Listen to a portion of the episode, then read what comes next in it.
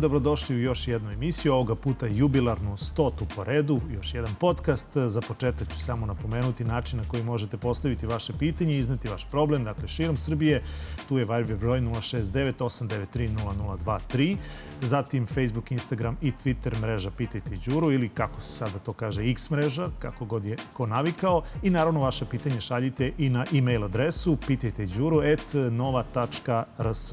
A moj današnji gost je Nikola Đorđević, predsjednik Gradske organizacije Slepih Beograda. Nikola, dobar dan, dobrodošao u jubilarnu stotu emisiju. Dobar dan, hvala puno i drago mi je, nisam ni znao da je stota emisija. Eto, Čestitam svakako. Hvala još jednom. E, mi smo se upoznali pre neki dan e, kada smo razgovarali o jednom problemu koji e, muči slabovide i slepa, slepa lica pa smo se našli na raskrsnici Požeške kod Doma zdravlja na Banovom brdu i tada smo zajednički pokušali u nekoliko minuta samo da, da pojasnimo sa kakvim sve problemima se slepa lica sreću u saobraćaju, ne samo u Beogradu, već i u ostalim gradovima u Srbiji. Ali evo prilike dakle da to objasnimo i ostatku Srbije i ostatku gledalca koji možda nisu gledali taj live e, na kakve sve probleme kad je reč o saobraćaju nailazite vi i e, ljudi koji imaju probleme kao i vi.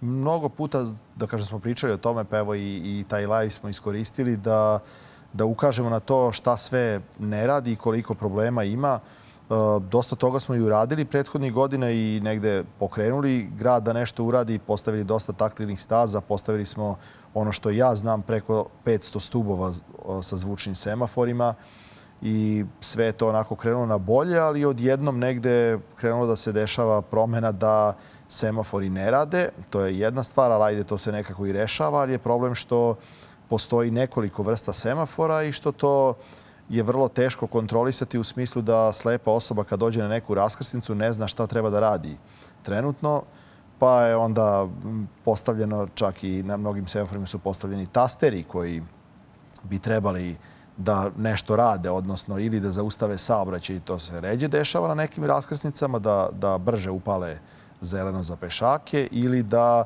uključe zvučni signal za semafor koji bi nama pomogao, ali niko ne razmišlja o tome da slepa osoba, ako već dođe do semafora i ako može da pritisne taj taster, onda mu taj e, zvučni semafor i ne treba.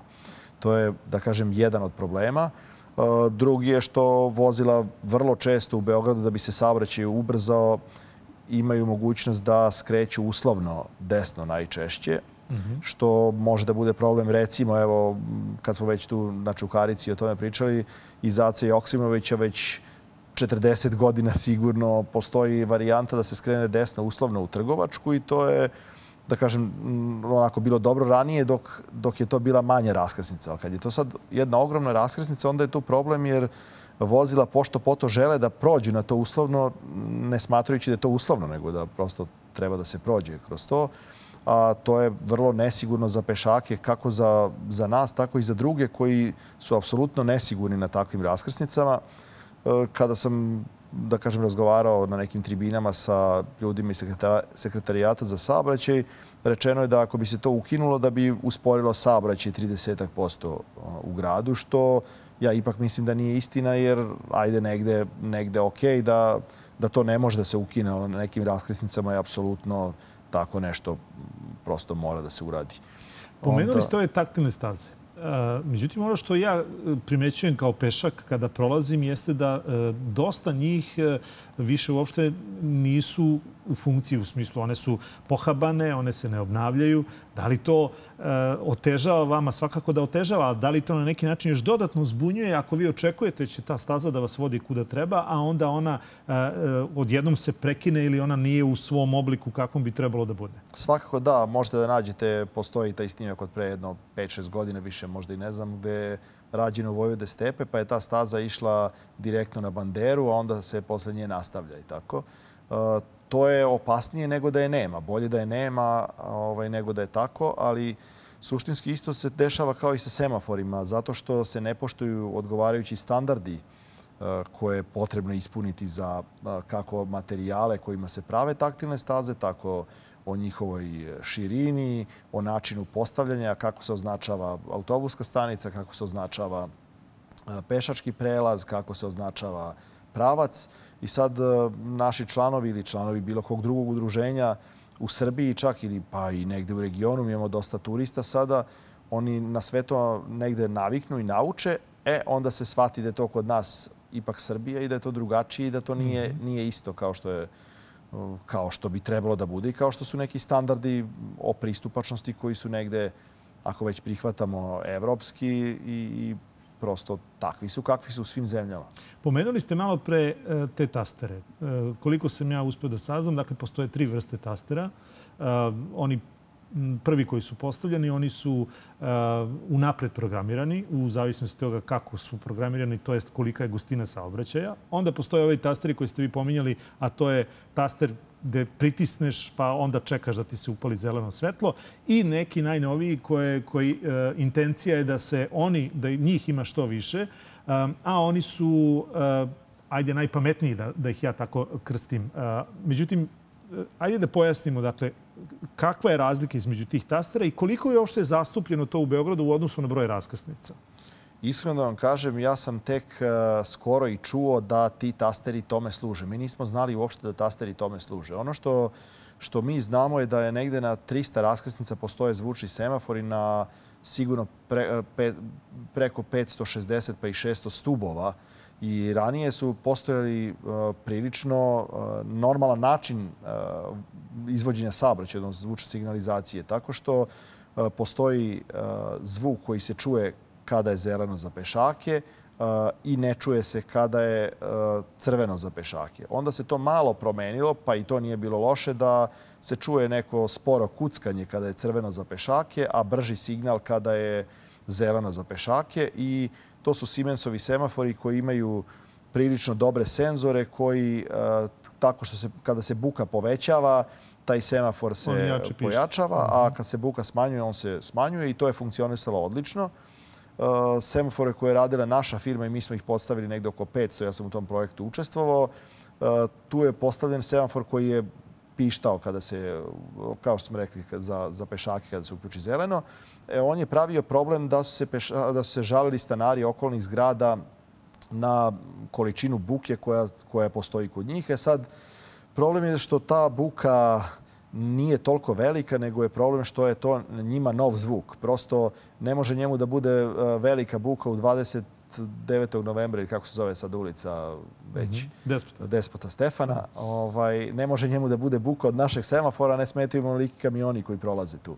Ali prosto je to neki nov zvuk na koji treba da naviknu i onda e, pozove neki građanin i kaže buka je, oni smanje semafor. Kad mi pozovemo i kažemo ne čuje se, oni dođu i povećaju ga. Prosto ne postoji standard koji govori o tome kako, kako treba da rade semafori i onda su oni pokušali da stave te tastere koje evo vi bolje znate kako rade ovaj, ti tasteri. Ja iskreno ne znam baš svaki kako radi.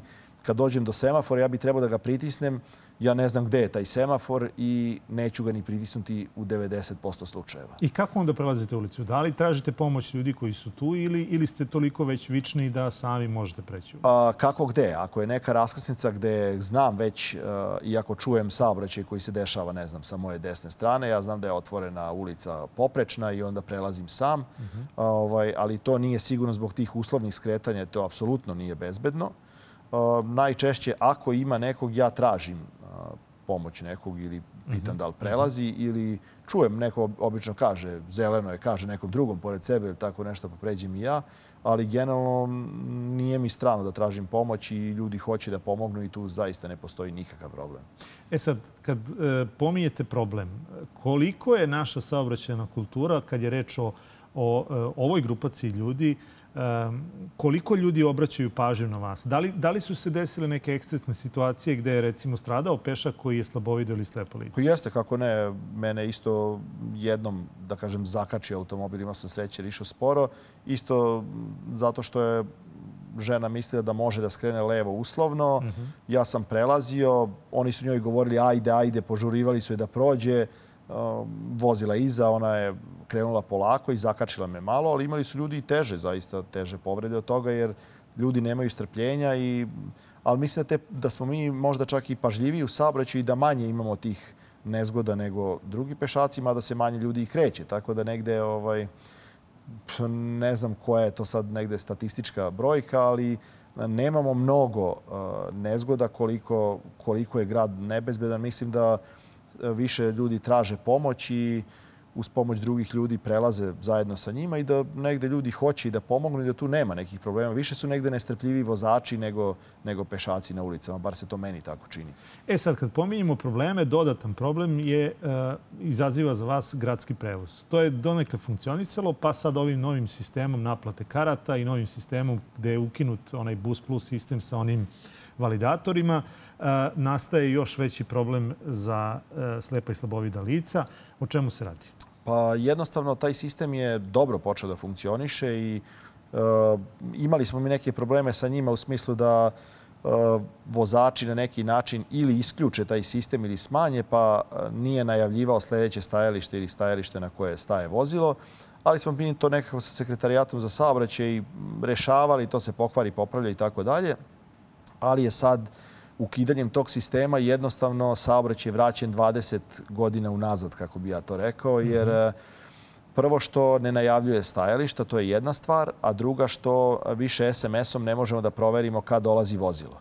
Jer, na primjer, ako vi znate da će vozilo da, dola, da dođe za 18 minuta, ja 16 minuta ne moram nikog da pitam kad će doći vozilo ili koje vozilo dolazi. Sada je postavljena ova aplikacija na storove razne, ova Beograd Plus, kako se već zove. E, ta aplikacija delimično i radi, ali je problem što tu vrlo često kaže da ne postoji, e, kakva već poruka, da ne postoje vozila koja dolaze. Mm -hmm, mm -hmm. U tom smislu. E, sada desi se i nekada kaže da vozilo dolazi za 12 minuta, a vozilo se pojavi za minut. Što znači da sva vozila nisu obuhvaćena u toj aplikaciji da, da ona ne radi kako treba. E, naravno, to se odnosi kako na, na nas, tako i na druge građane koji ne mogu da vide e, kako to funkcioniše, odnosno da vide lepo koje vozilo dolazi. Vi ste, vi ste uputili spisak pitanja gradskoj upravi. Jeste li dobili odgovor na neko od njih?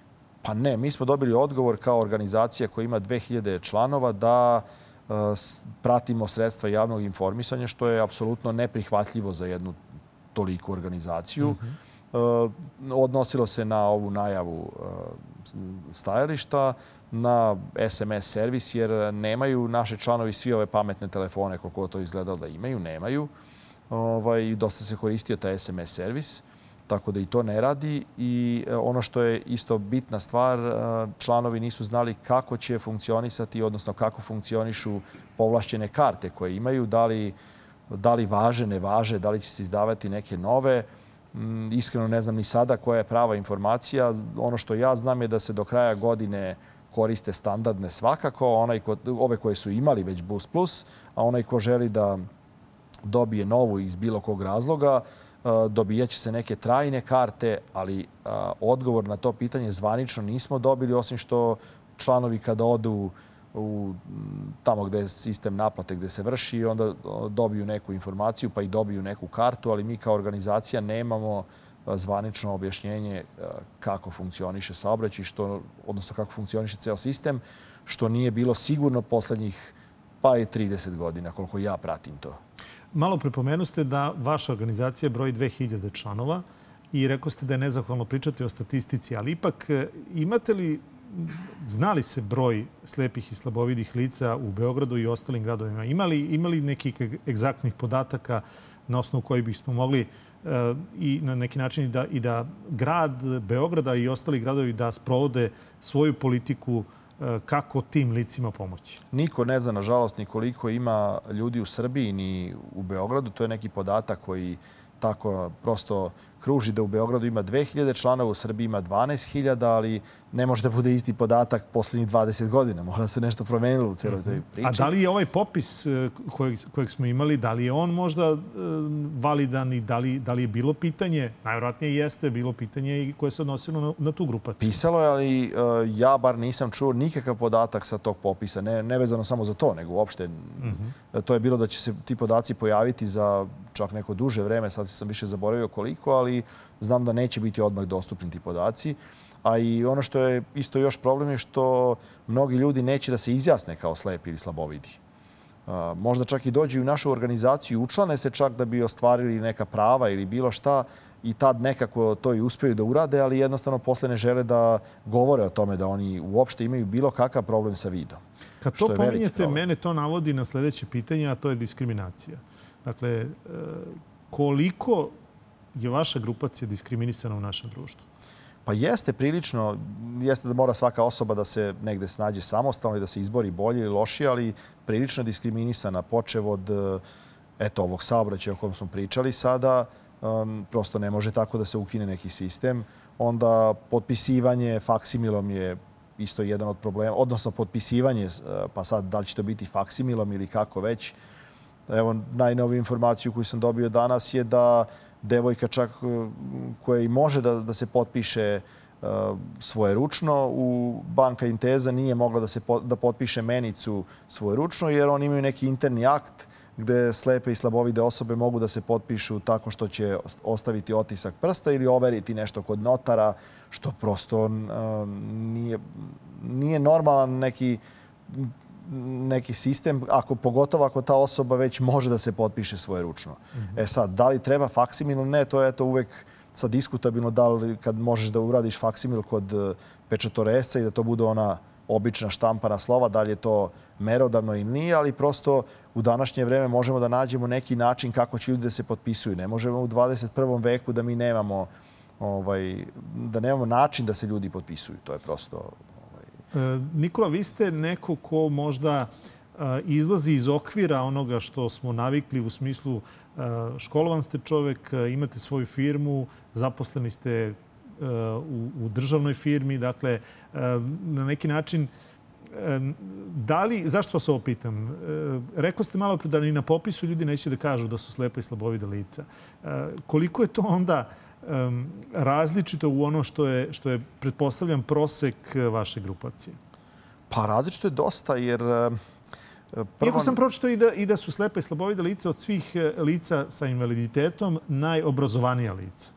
Pa jesu, ali onda je problem, odnosno to je bilo nekad dok su, sad i to je opet neko pitanje o kojem mi mogli baš da pričamo dugo, ranije su bile baš slepe i slabovide osobe, samo slepe i slabovide, a sada mm -hmm. oni koji se rađaju, znači te mlađe generacije, imaju još, još uglavnom više nekih smetnji koje su još veće od slepoće. Slepoće je prava sitnica u odnosu na to ovaj, kakve probleme druge imaju ljudi i samim tim onda se malo ta slika menja. Ali ranije dok su bili sla, samo slepi i slabovidi, kad se to dešavalo većinom zbog inkubatora, zaista smo imali mnogo obrazovanih od e, toga da smo imali e, nastavnike različitih jezika, e, različitih drugih nauka, zatim fizioterapeute, vrlo uspešne, prevodioce, pravnike, psihologe, sociologe, zaista različite zanimanja, ali onda se dođe u problem da recimo ta neka osoba koja ima završen fakultet i bude, ne znam, doktor ili magistar, radi u, na nekoj telefonskoj centrali ili u domu zdravlja, prosto ne nađe svoj odgovarajući posao iz raznoraznih razloga. Sad, naravno, i sad je to tako, ali je, da kažem, ta, to obrazovanje malo da kažem, niže nego što je bilo ranije, ali to je verovatno i kod svih drugih, pa i kod nas. Tako da... E sad, kad pominjete zapošljavanje, koliki sa kolikim problemom se susrećete kad dođete do tog stepena? Dakle, vi kažete neko završi i bude magistar doktorske nauke, završi, dakle, a, i onda ne može da nađe posao ili radi u nekoj struci, to jest na nekoj poziciji koja je daleko niža od onoga zašto se školovao. Jako je teško naći odgovarajući posao. Evo sad čak i za fiziterapeute kojih nema istine, ali možda kad bi bilo više posla, možda bi ih i bilo. Ako se neko radno mesto zatvori gde je radila slepa ili slabovida osoba, to, to radno mesto se trajno zatvara. Nije moguće zaposliti novu osobu. U školama je praktično nemoguće zaposliti bilo koga sada. Jednostavno, postoji taj zakon gde na, 50, na više od 50 zaposlenih mora da bude jedna osoba sa invaliditetom ali svim firmama je negde jednostavnije da, da plate te penale državi koliko je već potrebno taj jedan lični dohodak ili koliko da ide u budžet, ali niko ne zapošljava slepu osobu. Ima naravno nekoliko privatnih firmi koji to rade, pa čak ovaj, ima i oni koji to rade fiktivno u smislu da ta osoba radi, možda i nema dovoljno posla ili nema uopšte posla, ali uh, poslodavci ne žele da uplaćuju budžet, već, već daju ta sredstva nekoj osobi, ali baš nekog pravog zapošljavanja da neko, da neko radi svoj posao je jako redko i čak evo razmišljam, ali ne mogu da se setim da je u posljednje vreme bilo tako nečega. Mislim da je Telekom u kom ja radim možda i posljednja kompanija koja je zaista primila dvoje ljudi pre tih 15 godina negde u, na redovan posao. Čekajte, kažete dvoje ljudi u Telekomu, a znamo koliko broji ta firma zaposlenih. Znači, oni sami ne poštuju zakon, ako ja to dobro razumem. U suštini e, ima više ljudi sa invaliditetom, samo različitih drugih vrsta invaliditeta. Ja te podatke nemam mhm. koliko, je, e, koliko osoba sa invaliditetom radi u kojoj firmi. To niko negde ne iznosi. Verovatno ima, kod nas konkretno ima montera, verovatno ima mnogo drugih ljudi koji, koji imaju taj neki invaliditet koji je kasnije došao, pa negde se to reši, a i za ono gde nema plate se penali, ali suštinski postoji drugi negde problem s tim što kompanije ne mogu i da prime ljude, pošto je to školovanje sada dosta, da kažem, uništeno, mogu slobodno da kažem, jer slepi trenutno nemaju školu. Ako krenu u inkluzivno obrazovanje, nemaju podršku u školama. Ako krenu u specijalne škole, tamo da bi se zadržale te škole, postoje deca sa svim mogućim smetnjama, ne samo slepoća, pa samim tim tu školu ne mogu adekvatno da završe i onda ne mogu ni da upišu adekvatnu srednju školu, pa samim tim i taj poslodavac ne zna ni gde će da ih zaposli. Mm -hmm. Tako da prvenstveno bi od te škole trebalo da se krene ovaj, da bi se uopšte rešavao taj problem. A svi smo negde ušli nespremni u tu inkluziju gde podrške nema. Recimo imamo jednog samo peripatologa koji radi obuku u samostalnom kretanju za celu Srbiju. Mm -hmm. Sada ta žena radi u školi za slepe i slabovide u Zemunu. Eventualno to što može privatno naša beogradska organizacija igram slučaja angažuje poslednjih 7-8 godina od kad sam ja tu. I to je sve. Ona ne može više da radi privatno jer prosto nema, nema toliko prostora i druge organizacije su osuđene na to da, da obuku u samostalnom kretanju adekvatno ne mogu da imaju. Ako ja onda dobro razumem, niti je zakon dobar, zato što on daje mogućnost da neko plati, kako vi kažete, penal ili kaznu, ako nema zaposleno lice na 50 zaposlenih jedno e, lice sa invaliditetom i na taj način reši problem. Znači, taj zakon bi trebalo menjati. A, s druge strane, ni obrazovanje očigledno ne prati stanje na terenu. Pa ima li onda, šta je rešenje? Dakle, vi ste, vi ste po struci programera, je li tako? Da, to je negde... Ovo... Ali sem programerstva bavite se i, i e, masažom. Da, to mi je negde osnovno zanimanje, pa sam odatle ovaj, upisao programiranje i to završio. I nakon toga master studije na projektovanju, otprilike praćenju projekata. Mhm. Pa ovaj, slušaju li vas oni koji donose zakone kada vi navodite ovo? Dakle, ako, ako, ako bi se taj zakon, to jest, ajde možda je bolje pitanje, da li se može od nekoga prepisati, bar u okruženju? Dakle, da li druge države iste ove probleme imaju, recimo države bivše Jugoslavije ili su one to rešile na, na adekvatni način? Uh, jesu rešili, imaju, imaju malo bolje zakone, ali definitivno nas dolaze, da kažem, često da savetuju iz, uh, iz raznih evropskih zemalja i kažu da su oni to bolje rešili. Zakonski jesu to rešili bolje, imaju bolju podršku u, uh, negde u tom zapošljavanju, u školovanju. Slovenci recimo imaju obavezno jednog defektologa po učeniku. Znači, taj, sigurno taj učenik će dobiti podršku defektologa gde god se nalazi u Sloveniji. Crnogorski zakon o zapošljavanju kaže da e, će osoba dok god radi imati subvenciju 75% zarade. Jeste to mala država, ali 75% zarade dok god radi će imati ta kompanija da bi, da bi ta osoba radila. Mm -hmm. Tako da ti zakoni su definitivno uh, bolji, ali suštinski i oni imaju jako veliku diskriminaciju, iako pričaju o tome da, da slepe osobe rade, da se zapošljava i tako dalje. E, I tamo mnogi imaju problema sa zapošljavanjem i isti taj problem postoji da se zanimanje jako brzo razvijaju, menjaju i da prosto e, ta neka prosveta uopšte to ne prati na adekvatan način. Ali još kad kod nas nije uopšte dobar zakon i kad nemaš dovoljno sredstava za inkluziju koja je prilično nezgodna jer slepa osoba dođe u redovan razred gde ima 30 učenika i mora da piše na, na našem Brajevom pismu. Učitelj ne zna Brajevo pismo, on ne nauči to Brajevo pismo, učitelj ga pusti da on kako tako prođe, prođe. do četvrtog razreda. Uh mhm. -huh. On dolazi u peti razred i dolazi kod nas u udruženje i kaže da je on nepismen i onda dolazi u problem da ne može da koristi računar, ne može da koristi pismo. onda on tako njemu neko čita, e, prolazi tu osnovnu školu, dolazi do srednje škole i dalje se konstatuje da on malo bolje koristi računar, ali da ne može da se snađe i onda očekujemo od poslodavaca da prime tako nekog na posao, onda i to nije moguće, ne možemo ni njih da teramo da, da prime ljude na posao, a nemaju zanimanje za njega, on ne zna da koristi računar, ne može da se kreće sam, znači tom poslodavcu pravi obavezu i taj poslodavac onda dolazi stvarno u situaciju da mu je bolje da plati penale državi i da završi taj problem. E sad, kad pominjete e, korak s vremenom, rekao ste malo pre inkubatori su bili E, problem za lice koje su, koje su slepa. Ne u većini slučajeva, ali vrlo često se to dešavalo. Jasno. Zašto to uh, vas pitam? Da li moderne tehnologije, video sam, uh, vi koristite i mobilni telefon i sad pametan, pametni, dakle sve ono što vam pruža današnje vreme i to na neki način, ja sam sa strane malo gledao kako to koristite, prosto da ne znam da ste slepo lice, rekao bih da, da, ste, da niste slepo lice.